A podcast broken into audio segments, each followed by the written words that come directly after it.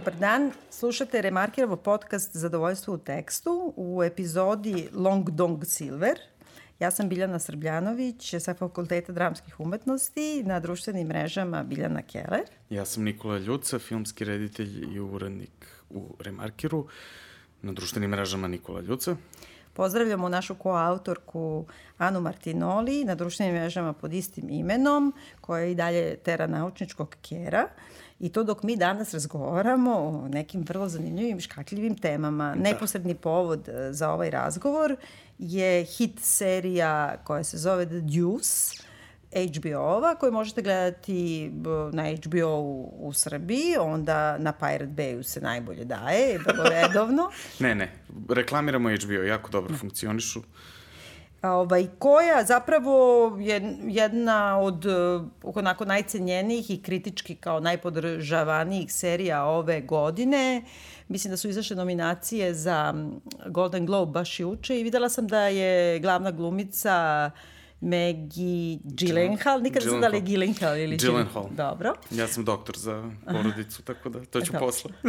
ovaj, ona je između ostalog nominovana za Golden Globe, ali mislim da imaju neke druge nominacije. Ali nekoliko su očekivali da će da ima. Je tako, ja? Pa da, mislim nekako ne, nije, nije ušlo u te glavne i nema tu reakciju uh, od tog mainstreama, ali ipak niti je The Wire tako imao nekad ko je prethodna serija tog autora, ali ajmo, korak po korak. Korak po korak. Dakle, e, radi se o seriji od nekih desetak, čini mi se, epizoda, osam. osam epizoda u prvoj sezoni, koje upravo su objavili da će biti i druga sezona e, koja je smeštena u 1971. vrlo precizno godinu i vrlo precizno jedan geografski smeštena, da Deuce zapravo znači taj tadašnji deo grada, tadašnji deo Times Square-a, u stvari da. nešto 42. ulica i ne znam da 6 avenija, da, da.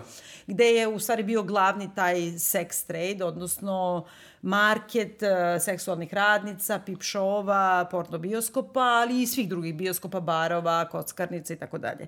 I na neki način prati taj istorijski razvoj uh, zapravo početaka legalizacije porno industrije i seksualnog rada u Americi e, i u suštini to je kao neka opšta priča, ali u suštini zapravo se bavi jednom grupom likova, gotovo horom, prostitutki, pimpova i ljudi koji organizuju taj zapravo ono, sex trade biznis. I taj transfer koji se tu dešava u likovima od jednog do drugog posla i nekakvih njihovih ličnih upgrade-ova unutar tog sveta.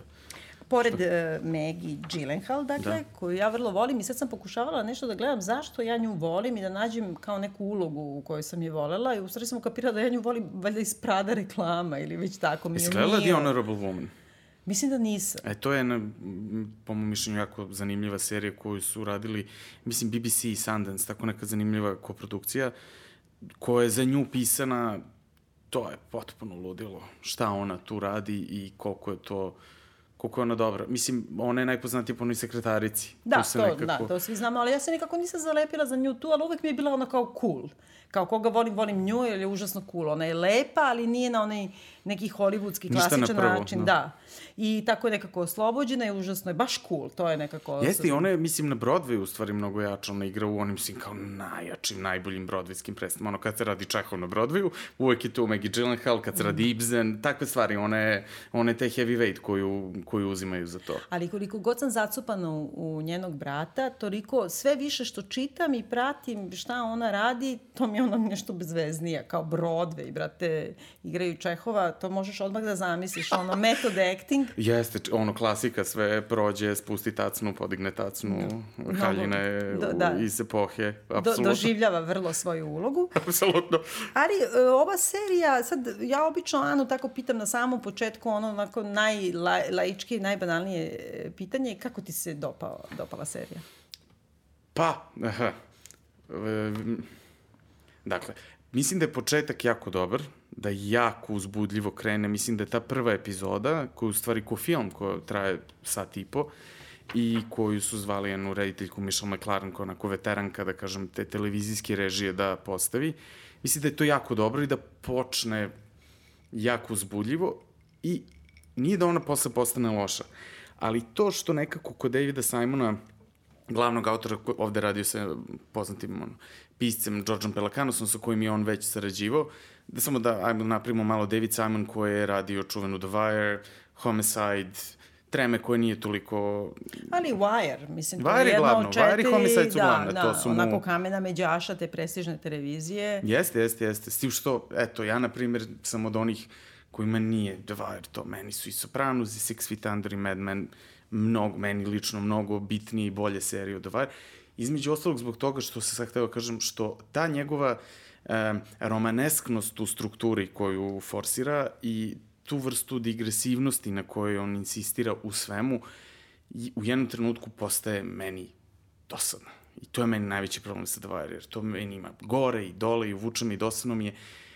On ima te neke socijalne studije uh, uh, kao svoj, da kažem, neki glavni, glavni pristup uh, pisanju serija. Uvek je u stvari o nečemu drugom u odnosu na ono što ti misliš i nečemu onako što je mnogo bliže nekom uh, neko, nekoj teorijskoj analizi nekog postupka nego što on nikad neće da žrtvuje zarad uzbudljivosti i zarad neke identifikacije sa likovima ili nekih tih klasičnih, da kažemo, narativnih elemenata postupaka koje ti možda koristiš da bi angažovao, nikad to neće da, da iskoristi uh, na uštrb toga da iz, izgura svoju tezu koju ima.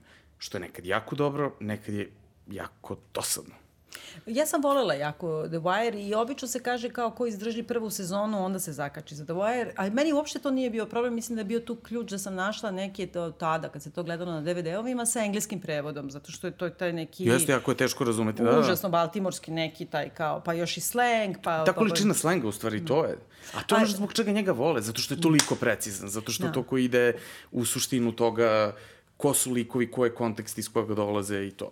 Čini mi se da je to za mene najveći problem, u stvari opterećenja upravo i u ovoj seriji, zbog toga što gde god da pročitaš nešto ili da vidiš njihove intervjue, oni govore baš upravo o toj rekonstrukciji epohe do najsitnijih detalja i da su oni sada ovaj, naravno ne mogu više na Times Square-u koji je potpuno umiven, da se prodaju da, da. ono bombone i ne znam, ono šetaju turisti, ali su negde naši, mislim, ono, Washington Heights ili tako negde, pa su tu izgradili čitav taj kao grad koji je užasno i onda se kao vrlo detaljno objašnjavaju da su istraživali šta se davalo u bioskopima, da samo tačno ti filmovi pišu. Jeste, jeste Mondo Trasho konformista, je, vidi da. se to onako, baš u prvoj epizodi se to vidi. Mislim, to je perfektno. I to Ali je to je kao što... neki filmofil da je uzao da piše. Mislim, onako nekako, meni je stvarno nemoguće da baš kao šeta se seksualna radnica ulicom gde se daju Bašir Kofomista i Mondo Trešo, mislim, zato što to nama nešto znači. To je neko intelektualno namigivanje posebnom sloju publike koje meni čini mi se da je sve u rekviziti u tom spoljašnjem, u kostimu, u perikama, u ono plavoj senci na očima, u tome što Maggie Gyllenhaal pokazuje svoj torzo koji nije savršen uopšte, pogotovo nije po hollywoodskim standardima, a pogotovo sve ostale. I nekako imam utisak da je stalno to nekako neki intelektualni slobizam tu u pitanju, neko namigivanje nama, ali u suštini, evo sad šta pričamo već desetak minuta o seriji, nismo spomenuli glavnog glumca koji tumači dve uloge. I znači, nikad bolje. Pa joj.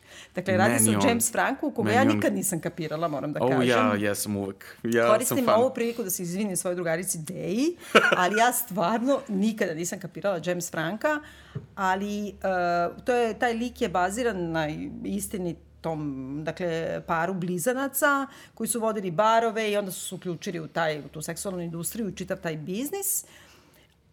Ali e, nekako, prvo mi je on kao glumac potpuno nezanimljiv. Drugo, mi ne izgleda dobro. Treće, kao ti ih nešto razlikuješ na početku po toj ironičnoj, ono, uh, uh, po ironičnim dlakama na licu, kao jedan ima ovakve brkove, a drugi nema, onda ih više, i onda kao sve insistiranje na tome kako oni upotrebljavaju kadrove da izgleda da su njih dvoje, dvojica Ali su tako kadru. fino uradili. To moram da kažem da nije urađeno na, evo sad ja kao tehnički, ali na način na koji se inače to radi.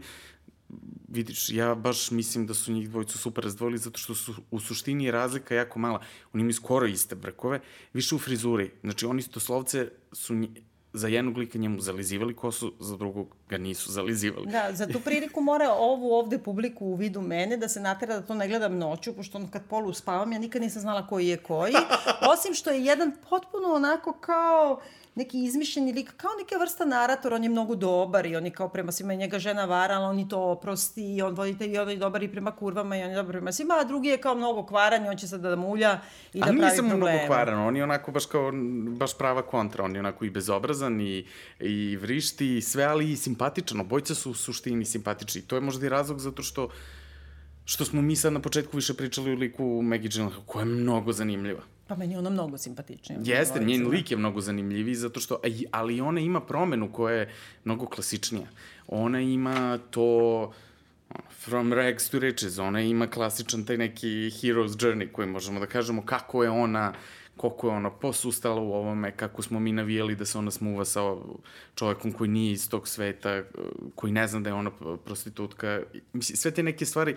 Ali kako je to, evo vidiš, zanimljivo. Mislim, tu ipak neki kliše u pitanju, zato što je glavna prostitutka koju mi pratimo, ona nema pimpa, sve ostale imaju pimpove. Da ona hoće da uzima stvari u svoje ruke, ona je osvešćena, ona ima tajnu da ima dete koje čuva mama, znači ona skuplja pare da bi se makla iz tog blata i da bi nešto uradila od sebe, ide i posećuje svoje dete, mama je osuđuje i tako dalje i ona kao sanja svoj san, svi je gazi i ovo i ono i onda mi kao u svemu tome kao sanjamo da se ona smuva s nekim finim i da kao happily ever after. Mislim, a cela priča je o tome, o emancipaciji, osnaživanju žene koje su seksualne radnice, koje stvaraju tu porno industriju i koje doprinose tome da ona bude ne samo legalizovana, nego da i njima donosi novac. Znači, neki začetak tih seks pozitivnih feminiskinja, što bi trebalo da bude. A ipak je gledamo kroz taj neki kliše uh, kako kažem... Ali u toj situaciji mora neko da bude kliše, jer su ovi isuviše na jednom nivou. I to je meni, da kažem, problem. To što tebi možda smeta ta vrsta preciznosti u tom nekom realističkom ključu je meni jako dobra. Ali u svemu tome ti nemaš muziku e, koja je, koja je transcendentna, znači koja je ono skor pisan za seriju, ti imaš samo nešto što dolazi iz situacije, iz prostora. Uh, serije vrlo, ne, nemaš te klasične puteve koji te uvuku, koji si navikao na televiziji. I baš zbog toga što se toliko priča prati odjednom, ja mislim da su morali nju malo da pojače. da... Ne, ne, ona mi je najzanimljivija junakinja i to mi je totalno okay da je ona pojačana i dobro igra i tako dalje, ali me, prosto mi smeta to što je nama nekako gotovo taj podsesni patrijarhat u kome mi rešenje za njene probleme vidimo da ona izađe iz toga A ona zapravo ne želi da izađe iz toga i ona sebe vidi kao to je legitiman posao kao i svaki drugi. Ona i kada hoće da od obične seksualne radnice postane neka porno producentkinja, da snima filmove i tako dalje, e, mislim, mi i dalje očekujemo kad će da se dogodi taj neki trenutak da kao ona skupi dovoljno para. Da, da. Da, da skupi. Kad će da izađe? Mislim, ona je rađena, to sam pročitala, rađena je Candidi prema... Royal. Da, Candidi Royal. I uh, to je zanimljivo, ta žena je zapravo jedna od začetnica tog seks pozitivnog feminizma. Ona je bila seksualna radnica i bila je porno glumica. Snimila je nešto 20 filmova i onda je, na primjer, 80. godine snimila poslednji. Ona je pisala i scenarija za te filmove, ali to su ti filmovi tako to kase 70. rane 80. što bi ovi dosta je bilo dosta poštovali, verovatno, kao što smo videli.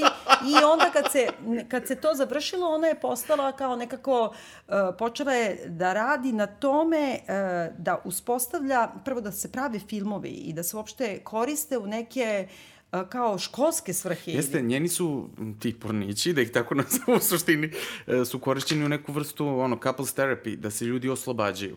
I imala je taj ženski ugo, što je jako, što je jako bitno, što je to mi sad, na primjer, u nekim osnovnim paketima uh, uh, ovih kablovskih kanala, postoji taj jedan kanal koji je taj uh, porno kanal koji je ženski e, ugao stvarno? na pornografiju Dask. Da. A šta znači to? Pa, to je, e, kako, kako je to Kandida rekla?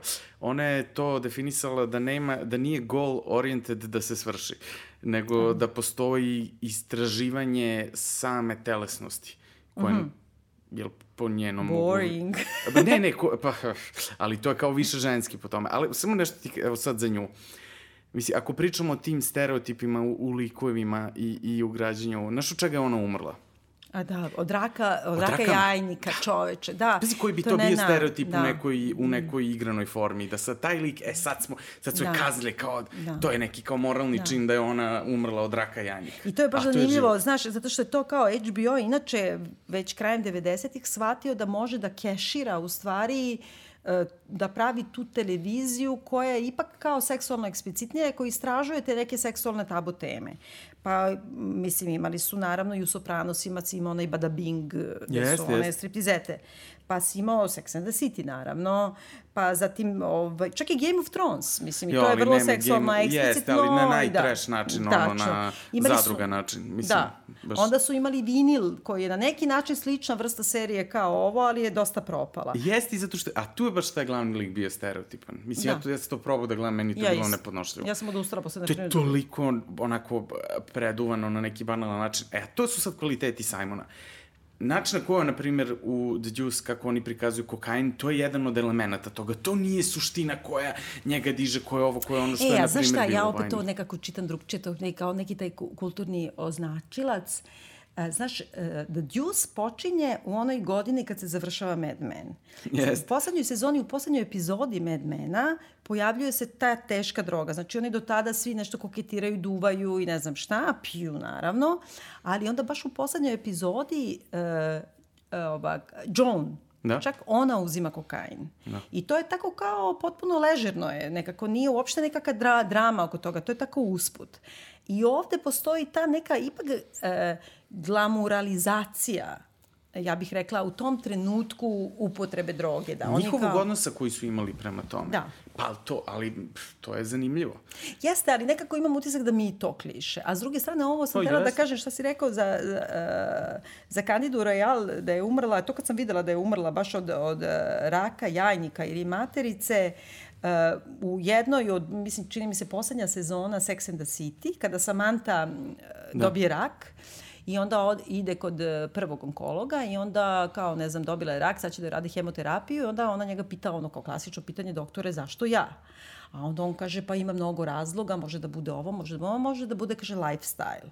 A onda se digne i napravi neviđenu scenu i kaže lifestyle, kao zato što ja imam seks sa ljudima i zato što se nisam porodila nikad, da li to znači da sam ja sami sebi izazvala rak i onda kao zgrabi neku buntu ili nešto i kaže mu a, doviđenja, ja idem kod žene doktorke, doktora koji će razumeti šta je ovo. I to je taj neki prelaz između yes. zaista toga kada bi ti osudio i rekao pa da naravno porno glumica da će da umre od neke STD koji su, koja je izazvala rak, do toga da taj isti HBO u stvari kao najavio to kao osnaživanje žene, ja imam pravo na ono seksualni promiskuitet, ja sam osnažena time i neće mi se ništa time dogoditi. Isto šta je glede toga zanimljivo u Djusi je koliko samo u prvoj epizodi ti imaš ono full frontal muški genitalije.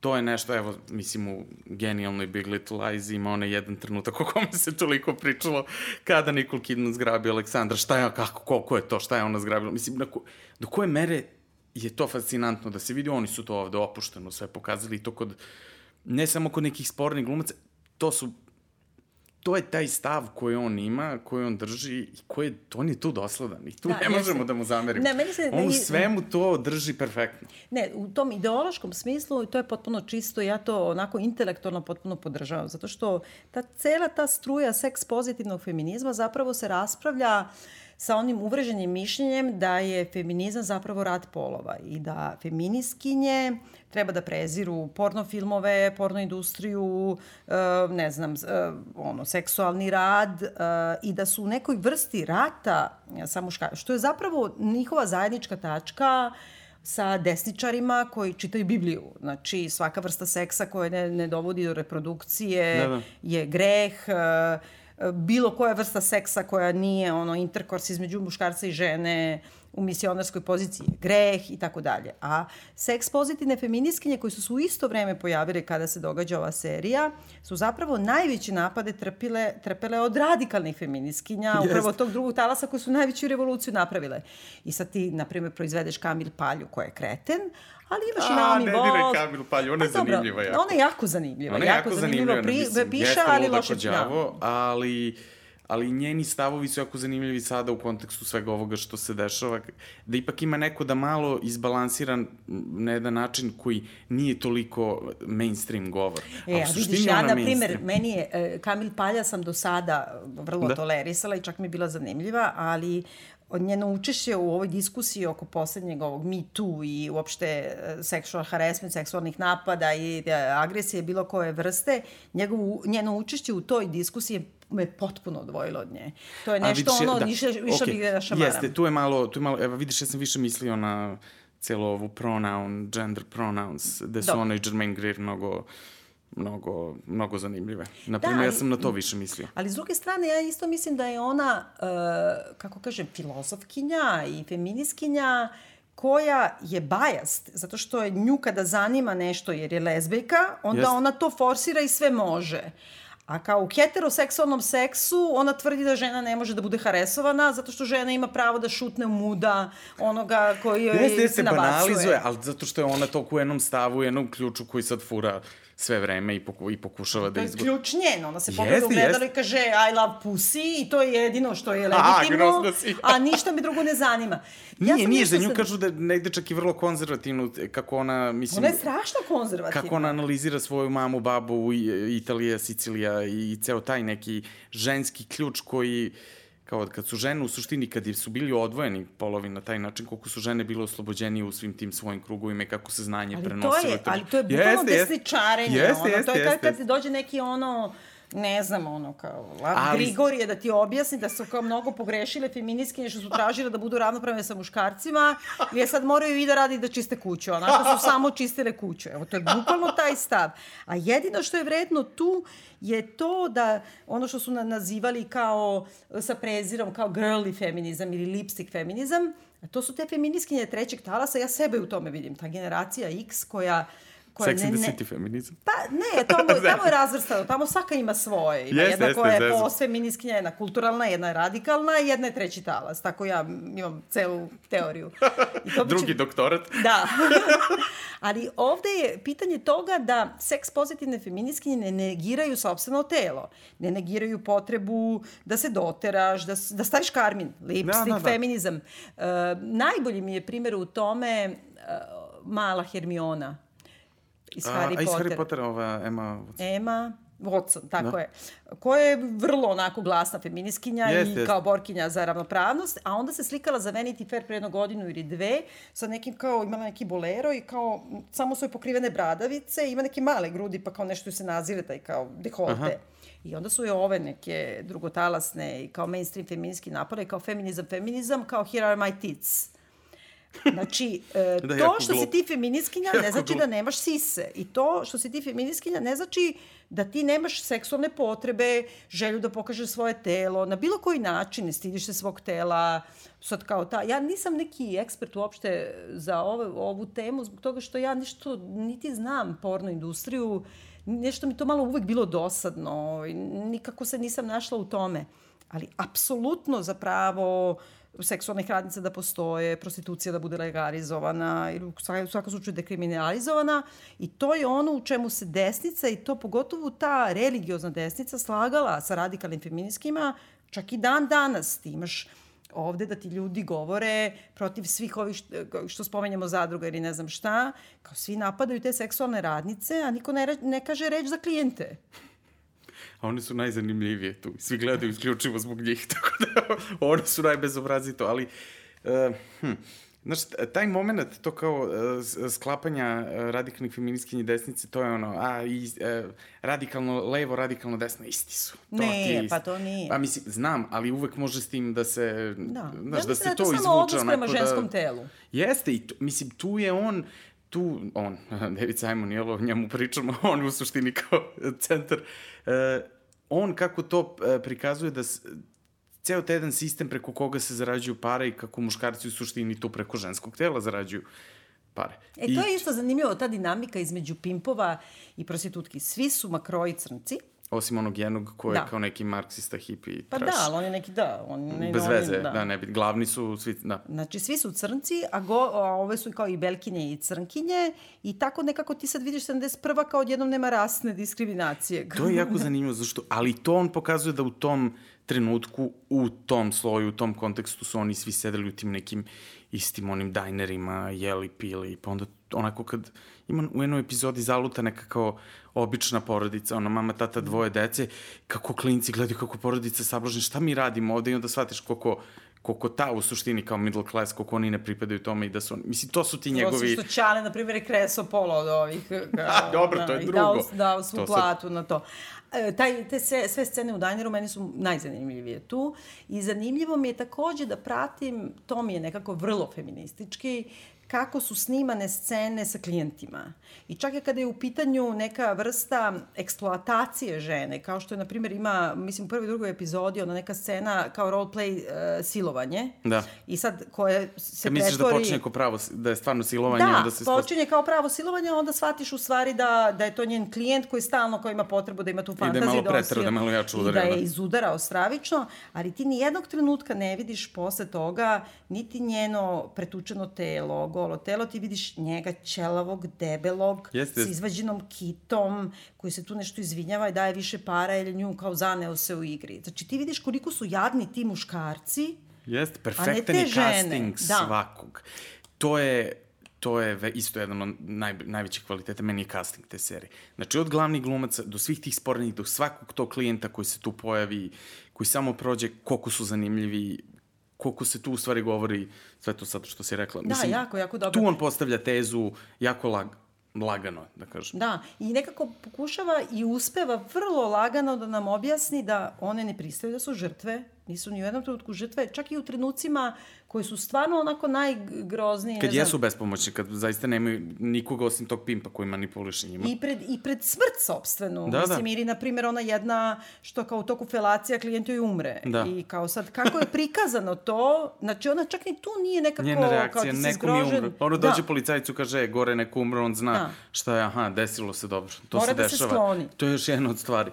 Ali uh, u kontekstu ovom koje poslednjih meseci se odvija pre svega u Americi, a onda se raširilo, ja znam, za Francusku, čini mi se i na Englesku, do nas to još nije dobacilo. No, onako, to je taj, malo, malo. Po malkici, Neki da. pokušaj. Najbolji. E, ta, ta, taj poziv ženama da se osnaže i da otvoreno govore o tome na koji su sve načine one e, seksualno napastvovane i da to napastvovanje ne mora da bude samo kao neko te uvatio za dupe nego da ti neko ono e, koji ti je nadređen, na primjer, non stop predlaže seksualne odnose, priča neprilagođenom rečnikom, ima e, moć nad tobom da te dovodi u situaciju da ti to moraš da trpiš.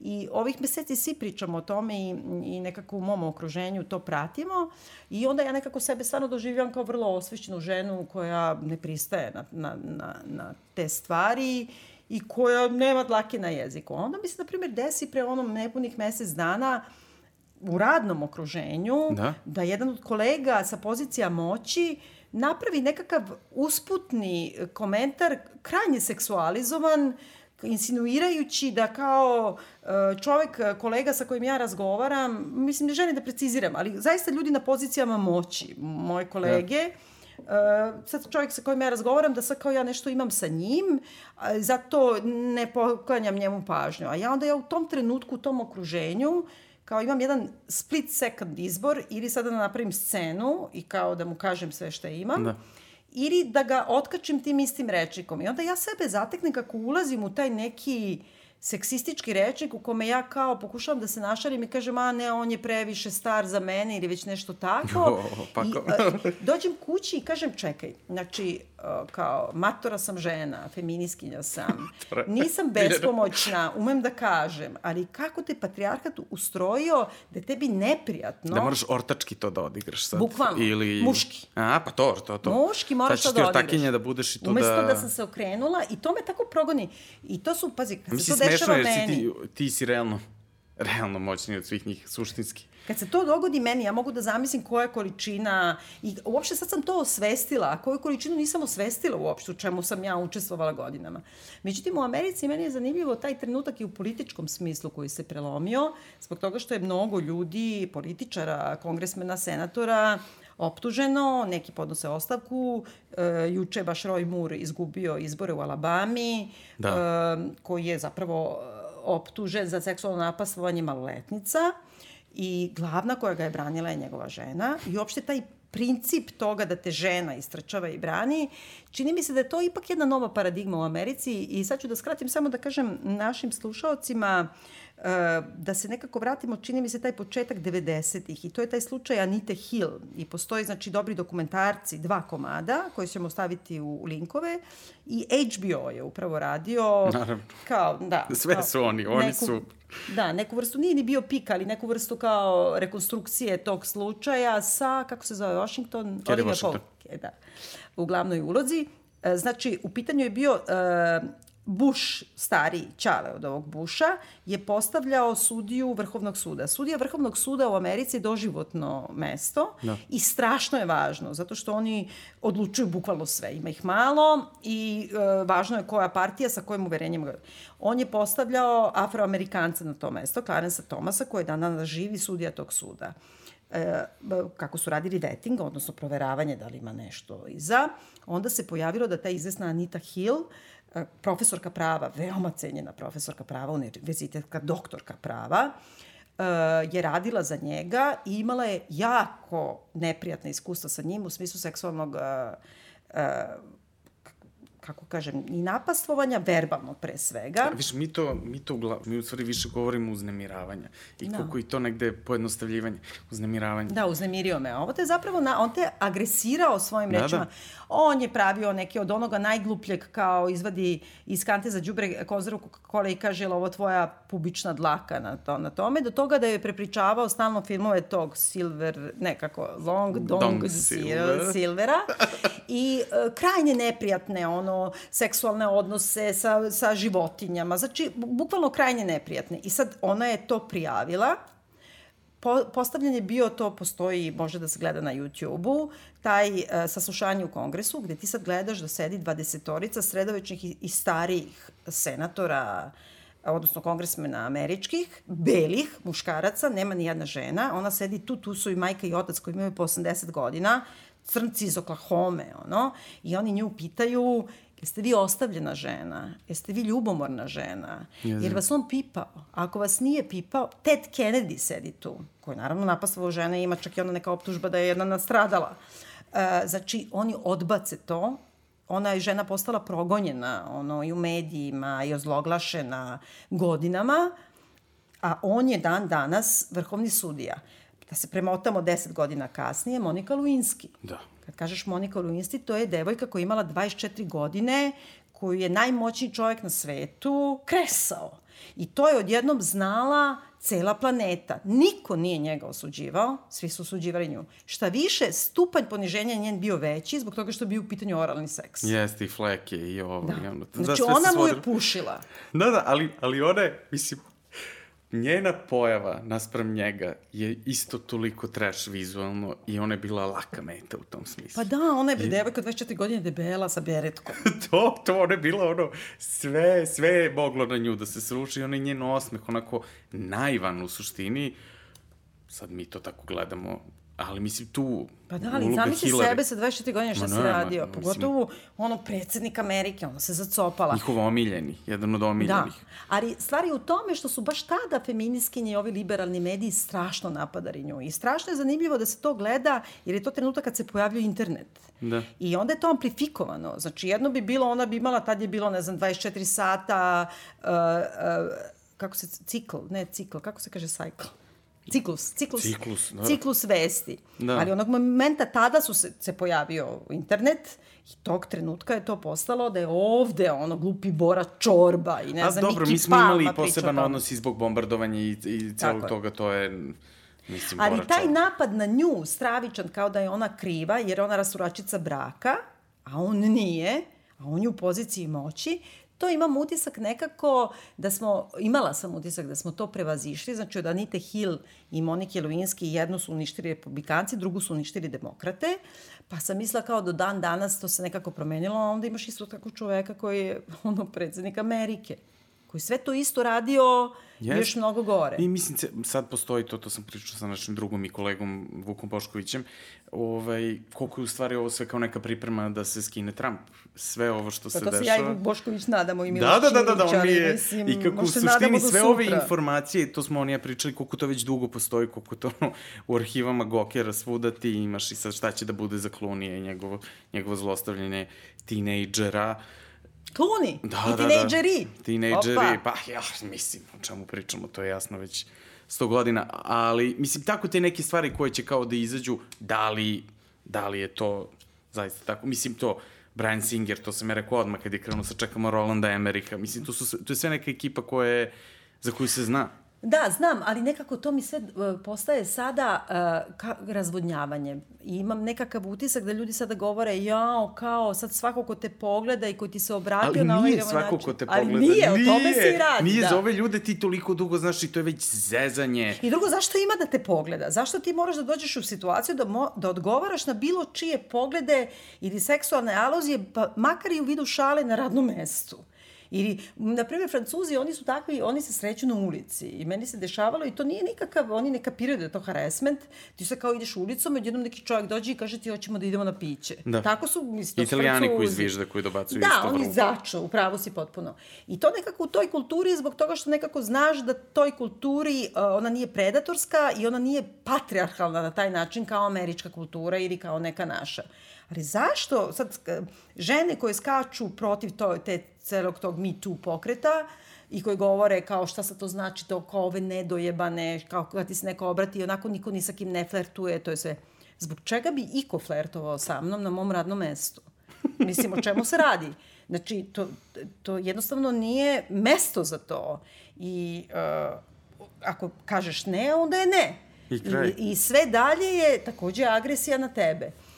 Tako da nekako ovo je ohrabrujuće, na primjer, što ovaj kao taj seksualni predator, ovaj Mur juče nije izabran uh, u Alabami, ali s druge strane imam utisak da se sve nekako svodi na show biz, na zvezde, na novinare. Zato što su oni, zato što je to prvo sa čim možeš da se povežeš.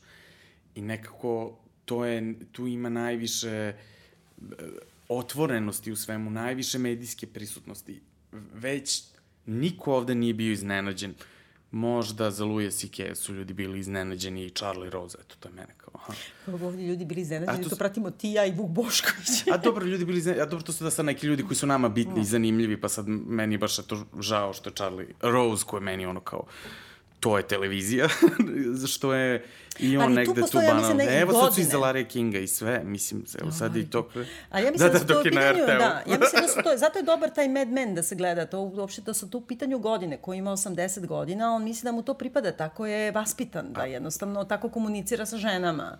Ali I... ovo, kako svi oni, i, i, i ovo što si pričala za Anitu Hill, da. i, uh, i, i Harvey, taj moment ne sad ni direktno, nego jel ti ovo, pa tog nekog vređenja, pa sad ćeš ti mene da gledaš, ono, da Harvey sedi i tera nekog da gleda dok on drka. Mislim, meni da. to... Bolesnici, da. Toliko jadno, mislim, baš, baš je, jadno, jadno. Baš je nevjerovatno. Ali znaš šta je zanimljivo kod te Anite Hill i Clarence Thomasa i o, ima direktno veze sa ovom serijom, baš kako smo rekli da su pimpovi crnci, a prostitutke su i bele i crne. I ovde je bilo pitanje prvi sudija crnac Vrhovnog da. suda, a ona je isto crnkinja koja ga optužuje. Jest. I onda je bilo kao šta se više meri, šta je jače, rasa ili rod? Ko je obespravljeniji? I opet da se vratim na, na moju Bibliju, a to je Mad Men, Uh, na primjer, mislim u trećoj ili četvrtoj sezoni, kada je, su velike demonstracije afroamerikanaca da. za, za prava i pre ubistva Martin Luther Kinga i onda pita neko Peggy, Olson kao zašto ne učestvuje u tome, a onda ona kaže kada će oni da marširaju za mene, a onda oni njoj kažu jao, jeste baš tu žene obespravljene koji crnci. Ne da jesu, nego i više da, da, od toga. Da, da, u Mad Men ono do daske, to a se pritom, vidi. Da. A pritom i ova Anita Hill crna žena. Znači, obespravljena je dvostruko. I sad, baš se tu vidi u tom dokumentarcu koji ćemo zakačiti, vidi se koliko, znači, afroamerikanaca nisu uopšte tali da je podrže. Znači, ona imala svog brata u sebe. Sve ostale su bili belci i to bele žene uz nju. I to onako kad ih vidiš kako se obuče, to su rane 90. To je ono, znaš, oni neki power kostim. Ono, da, da, da, da, da. Još pa kao, su bile na ramenice i dalje. Da, pa da, to, to, znaš, to, to, to. vidiš uopšte kako svi izgledaju. I sad te neke bele ba babe ulaze, Im kao će ulete u senat da. da im kažu oni nešto tim muškarcima. Sve je užasno karikaturalno, ali u stvari u merenju rasizma prema rasi i prema rodu, rasa uvek dobija. Da. Tako i ovde, znači ti ne osuđuješ crnce, oni su, oni su iskorištavaju, biju, sakate, prete, e, manipulišu tim ženama koje rade za njih i oni u svakoj epizodi, one svu lovu daju njima. Na kraju, i to se samo vrti. To, I to on jako jako dobro prikazuje cijelo to kako će, da će da uzme od nekog drugog da bi dokazala njemu, samo da se smiri. Eto, to je to, ja sam izvršila svoje, evo ti pare, evo ti pare. Da, onako nekako uh, veoma, veoma težak život. Uh, dopada mi se u seriji što nije ni malo sentimentalizovana, a s druge strane nije uopšte ono da te nauči pameti, nema neku didaktiku. Nije, nije, nema, nema, nema on to. Mislim, to bi nekad možda malo i pomoglo. Da. Za neke stvari, malo da pojača, to je, ali mislim, to je stvarno sad pitanje ukusa, to je, mislim, stvarno u pitanju onako vrhunska televizija u svakom smislu. Ti ne voliš Jamesa Franka, ja ga volim, ovde nikad bolji. Znači, za fanove Jamesa Franka ovo je uživanje dupla, dupla, mm, dupla, dupla doza. I stvarno je nikad bolji. Ja bih samo da najavim nešto što se nadam da ćemo da radimo, evo sad, sad ti prvi put nabacujem, a što treba nekako da se, da se gleda, serija nije slične tematike, ali da kažem, bavi se prostitucijom Girlfriend Experience. Uh mhm. -huh. Sad će da se završi druga sezona. Kad se to završi, na treću te da gledaš da o tome pričam. Majko, mila, dobro. Da, da, da, dobro. dve sezone Girlfriend Experience, to je remek delu, po mišljenju, jedno najboljih serija u poslednje vreme.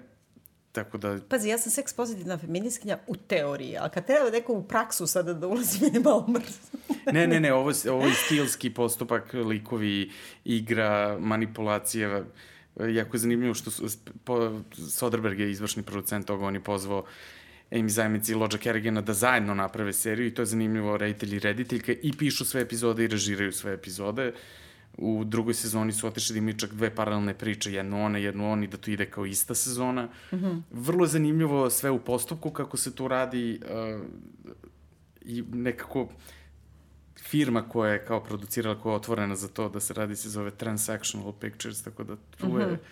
transactional na raznim nivoima od jel, pa sa sve do ove naše dominantno zastupljene trash transakcione analize mm -hmm. uh, i ovi idiota Milivojevića i ekipe, mm -hmm. ovaj, pa to možemo da raširimo na razne stvari, samo da najavim. Nisi me baš skroz, pič, ovaj ti nije uspeo. Uh, moram da kažem da u ovoj seriji ono što me držalo da gledam do kraja, osim toga što sam nerd i moram sve da tako pogledam, jer mi treba za kulturalni dijalog, uh, je zato što mi mnogo više liči na Sopranose nego na Wire, po dramaturgiji u stvari, po toj nekoj konstrukciji, ali mislim kao kineski Sopranosi. Malo... Ali bolje bolje i režirano od The Wire.